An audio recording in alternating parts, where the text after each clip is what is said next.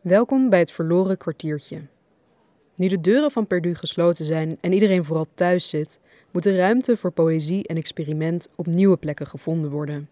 De komende tijd zal Perdu dus bij de luisteraars thuiskomen, door selecties uit het archief van onze avonden hier uit te zenden. Eens in de twee weken, op vrijdagavond, verschijnt er een verloren kwartiertje. Een fragment van rond de 15 minuten, geplukt uit onze mooiste avondenprogramma's. Het eerste verloren kwartiertje komt uit de avond Unidentified Poetic Objects, die plaatsvond op 23 februari 2018. Op deze avond onderzochten sprekers de ontmoeting van poëzie met science fiction. In het volgende fragment bespreekt Dominique de Groen de wijze waarop sci-fi ons een houvast geeft om de dystopie die in elke utopie schuilt en vice versa te benaderen.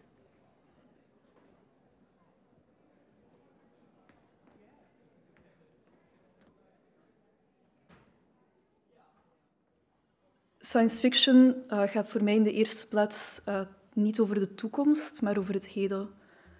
Um, Sci-fi wordt vaak gedefinieerd als extrapolatief.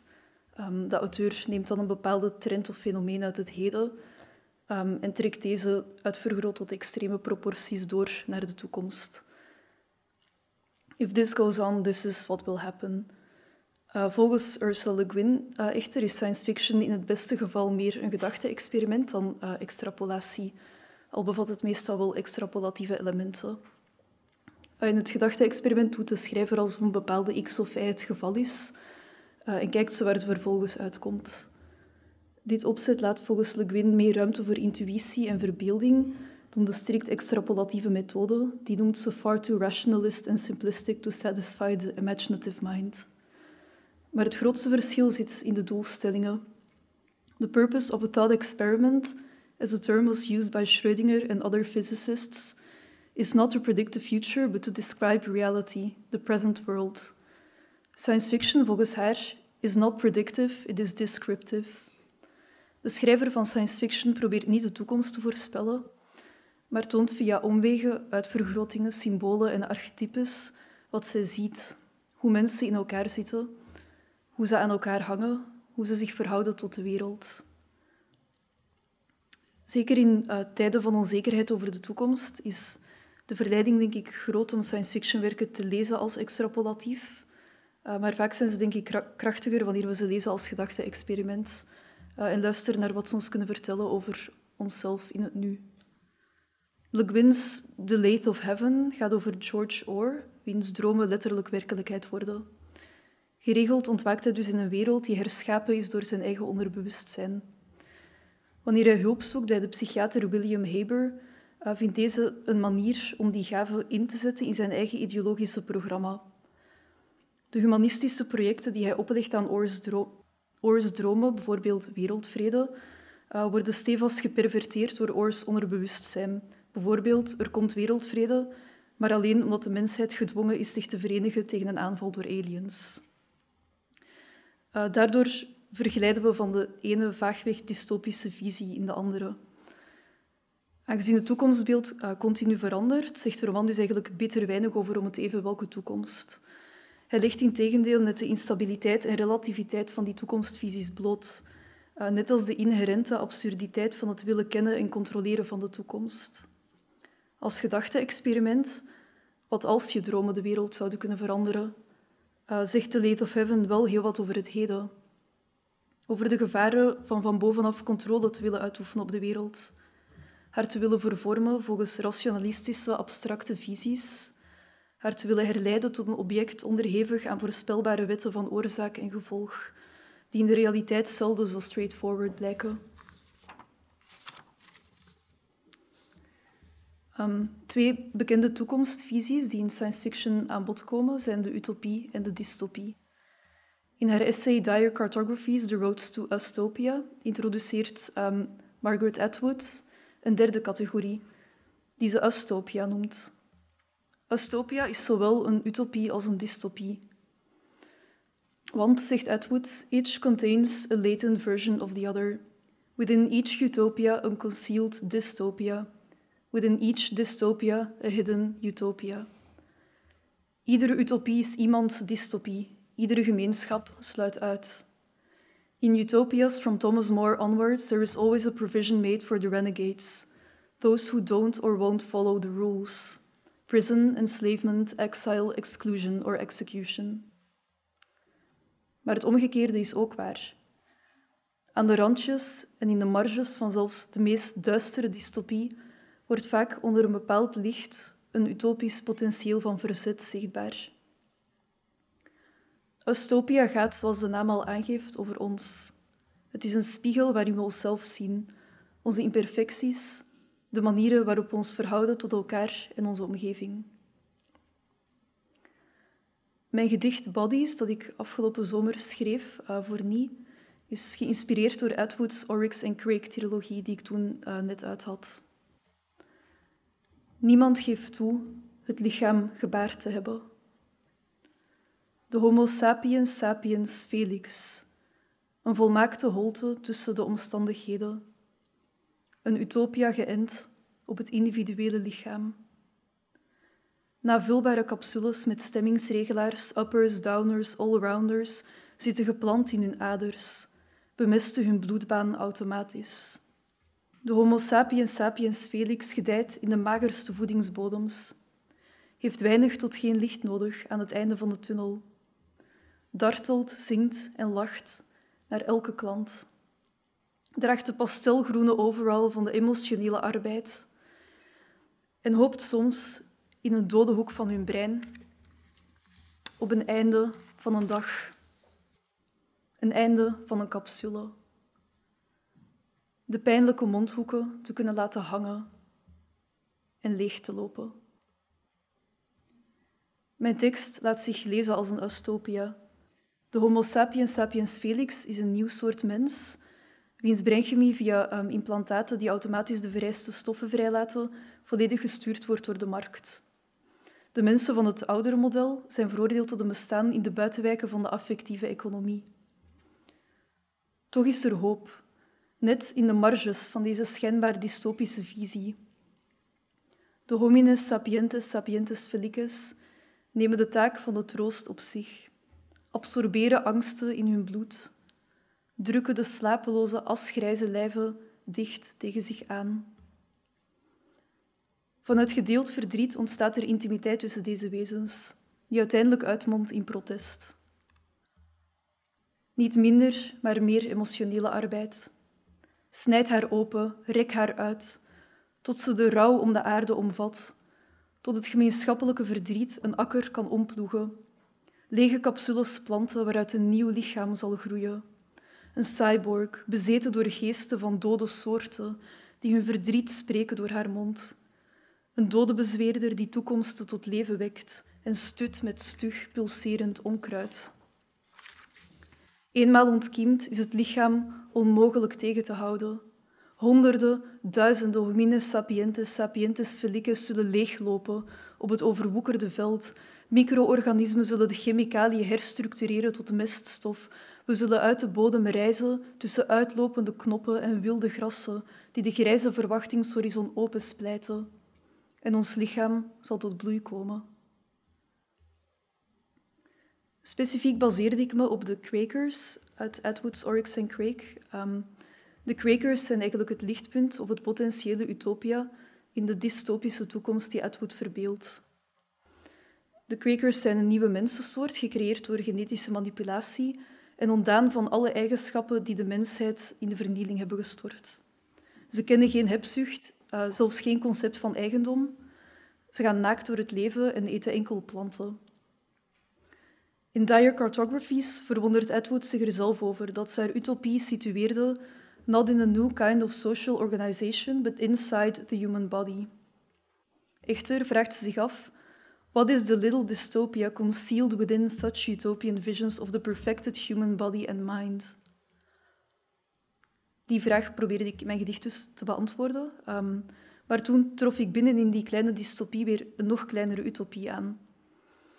Uh, voor mij ligt het dystopische aspect net in het situeren van de utopie in het individuele lichaam, um, in plaats van in een meer collectieve vorm. Maar omdat die lichamen altijd het potentieel blijven hebben om zich alsnog te verenigen, tot een body mystic dat het individuele overstijgt, is ook die dystopie nooit compleet. Ustopia gaat over ons. De angst, de hoop en het verdriet die ons binden en die in leven gehouden worden, net omdat er binnen iedere dystopie een utopie zit en daarin weer een dystopie en daarin weer een utopie en zo door tot in het oneindige. Uh, ten tijde van uh, Jules Verne en H.G. Wells sprak men niet van science fiction, maar van scientific romance. Ook nu nog laat science fiction zich lezen als een um, uitingsvorm van de diepe narratieve structuur of modus van de romance, net als bijvoorbeeld fantasy, horror of de gothic novel. De belangrijkste theoreticus van de romance als literaire modus was Northrop Frye, uh, wiens theorieën onder invloed van uh, postmodernisme uit de mode geraakt zijn, maar daar trek ik mij lekker niks van aan. Uh, de modus, volgens Fry, is um, een diepe onderliggende narratieve structuur, zoals bijvoorbeeld de komische, tragische of ironische modus. Uh, in The Secular Scripture, A Study of the Structure of Romance, gaat hij dieper in op de romance, die het skelet vormt van het kweeste narratief, um, het avonturen- of heldenverhaal. Vele mythes en sprookjes zijn bijvoorbeeld romances, um, net als ook bijvoorbeeld de Arthur-legendes uh, of de Odyssee. De realistische schrijver probeert de artificialiteit van haar narratief te verbergen, pretending that things are happening out of inherent probability. Er wordt een illusie van causaliteit en logische continuïteit gecreëerd. Een set van personages met bepaalde eigenschappen en drijfveren geeft aanleiding tot een keten van oorzaak en gevolg, waarbij toevalligheden deus ex machinas of onverklaarde gebeurtenissen uit een boze zijn. Romance daarentegen moves from one discontinuous episode to another, describing things that happen to characters for the most part externally. Dingen gebeuren gewoon, komen op personages af, zonder verklaard te worden door psychologische motivaties of logische causale verbanden. De romance loopt openlijk te koop met haar fictieve status. De romance neemt bijna altijd de vorm aan van een afdaling, hoe metaforisch ook, in wat Fry de Night World noemt. Dit is een wereld van avontuur, kweeste, confrontatie met het onbekende, waar iedere notie van stabiele, conventionele realiteit, logica en zelfs identiteit overboord gaat. Waar personages de speelbal zijn van omstandigheden buiten hun controle. Een wereld van exciting adventures, but adventures which involve separation, loneliness, humiliation, pain and the threat of more pain. A dark and labyrinthine world of caves and shadows, where the forest has turned subterranean and we are, we are surrounded by the shapes of animals. Sinds vorige winter uh, werk ik aan poëzie die zich ophoudt op de grenzen van sci-fi. Uh, een sci-fi kader dat ik opvul met dark ecology, hekserij, uh, de tarot en andere dingen. Um, zo meteen staat ik af met enkele fragmenten, maar eerst maak ik een omweg langs het collectief onbewuste en duistere ecologie. In haar essay The Child in the Shadow verbindt Ursula Le Guin haar visie op sci-fi en fantasy met Jungs theorieën over het collectief onbewuste. Om ware gemeenschap en persoonlijke groei te bereiken, al dus Jung, moeten we aansluiting vinden bij het collectief onbewuste. De diepste, onverkende regionen van onze psyche, de onderlaag van symbolen en archetypes die we allemaal gemeen hebben. Om hier toegang um, toe te krijgen, moeten we ons omdraaien en onze eigen schaduw volgen. Le Guin omschrijft deze schaduw als the other side of our psyche, the dark brother of the conscious mind. It is Cain, Caliban, Frankenstein's monster, Mr. Hyde. It is the doppelganger. We meet it in our dreams as sister, brother, friend, beast, monster, enemy, guide. It is all that we don't want to, can't, admit into our conscious self, all the qualities and tendencies within us which have been repressed, denied, or not used. Wie deze schaduw ontkent, projecteert zijn eigen duisternis op de buitenwereld, op anderen. Pas wanneer we onze schaduwzijde onder ogen zien, kunnen we heel worden en groeien toward true community and self-knowledge and creativity. We moeten met andere woorden door de nachtwereld trekken, met The Animal Within Us als gids. Omdat sci-fi volgens Le Guin spreekt from the unconscious to the unconscious in the language of the unconscious, in de taal van symbool en archetype, the language of the inner self, kunnen we via deze verhalen onze innerlijke duisternis verkennen. Uh, ik maak nu een sprong naar de dark ecology van filosoof Timothy Morton, uh, maar het is ook niet zo'n heel grote sprong, uh, want Mortons favoriete film, die hij vaak aanhaalt ter illustratie van zijn theorieën, is niet toevallig de sci-fi klassieker Blade Runner. Morton stelt voor om komaf te maken met het concept van de natuur.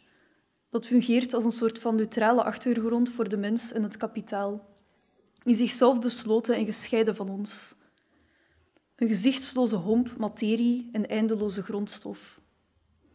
De scheidingslijn tussen mens en natuur staat volgens hem ware intimiteit en coexistentie met andere entiteiten in de weg.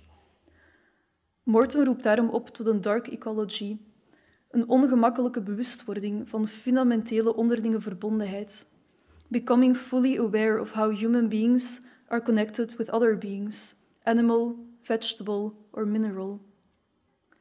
Daarbij wordt onze eigen status als persoon onzeker. We would treat many more beings as people, while deconstructing our ideas about what counts as people. Wanneer het hiërarchische denken, dat impliciet is in de scheiding tussen mens en natuur of tussen mens en dier, onderuit gehaald wordt, zijn er niet veel redenen meer waarom ik een persoon zou zijn, maar de bacteriën in mijn dikke darm niet. Um, ik voel een parallel tussen het onder ogen zien van onze Jungiaanse schaduw om connectie te kunnen maken met onszelf en anderen um, en het aangaan van een onheimliche intimiteit met niet-menselijke wezens. Voor Morton is pakweg een regenworm fundamenteel vreemd en onkenbaar, maar tegelijkertijd onlosmakelijk met ons verbonden. Hetzelfde geldt voor onze eigen schaduw. Wat intimiteit en zelfkennis in de weg staat, is in beide gevallen projectie de projectie van onze eigen schaduwkant op de buitenwereld of de projectie van een gezichtsloze, neutrale, geësthetiseerde natuur op de entiteiten waarmee we coexisteren. Ecologie is niet alleen het mooie en het sublieme, maar ook lelijkheid en horror, ook negativity, introversion, ambiguity, darkness, irony, fragmentation en sickness. Dark ecology is afdalen in de nachtwereld van de romance, waar iedere conventionele logica op de helling komt te staan. Hoe dieper we gaan, hoe meer we beseffen dat we vastzitten in een kleverig web van leven en onleven, zonder centrum, hiërarchie of metaperspectief. Reizend door de nachtwereld of door de bacteriekolonies op de schermen van onze smartphones, komen we misschien onszelf tegen. Ik wil mijn eigen werk zien als een poort naar deze onheimliche nachtwereld, een animistische zone waar alles een poel van leven wordt. De poëzie die ik zo meteen zal voordragen speelt zich af in een toekomst uh, waarin de mens na een niet nader gespecificeerde ecologische ramp niet langer centraal staat. Het tweede hoofdstuk heet uh, Het lied van de bacteriën en het is geschreven vanuit het perspectief van een oeroude bacterie die miljoenen jaren heeft gesluimerd onder de, onder de permafrost en die nu dankzij dooien van het ijs ontwaakt. Ik zou jullie nu willen vragen om allemaal de ogen te sluiten en diep in en uit te ademen.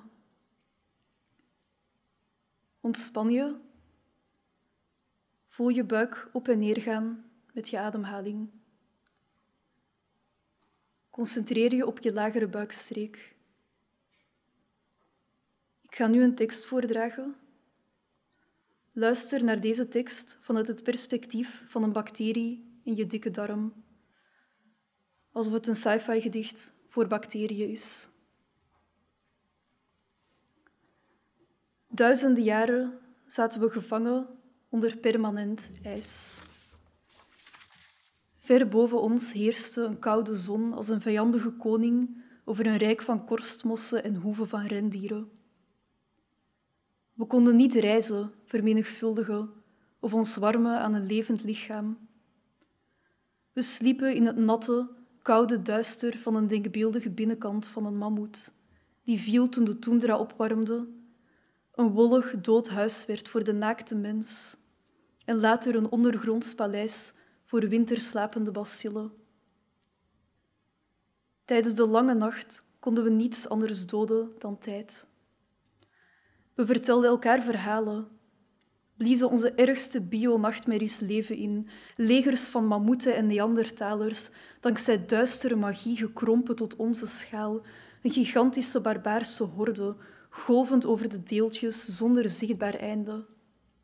Volgens de overleveringen zouden ze onze mammoet binnendringen, rijdend op de rug van kokende watervallen of varend in boten scherp als een naald op een rivier van gif. Terwijl boven onze kille gevangenis de soorten kwamen en gingen, zagen we in halfslaap dreigende schaduwen op de wanden van onze cel. Sluimerend, in het duistere van een hol lichaam, kwijnden we, slonken we tot endosporen, ondode versies van onszelf, wachtend op de lente die ons zou bevrijden. In onze slaap beefden we van angst. Iedere molecule in ons wezen trilde. We slikten de nachtmerries in, kotsten ze uit, injecteerden ze in cytoplasma. We werden resistent. Jullie mogen je ogen weer openen en opklimmen uit jullie buikregio. Um, maar onthoud, zoals Northrop Frye zegt, the improbable, desiring, erotic and violent world of romance reminds us that we are not awake when we have abolished the dream world. We are awake only when we have absorbed it again.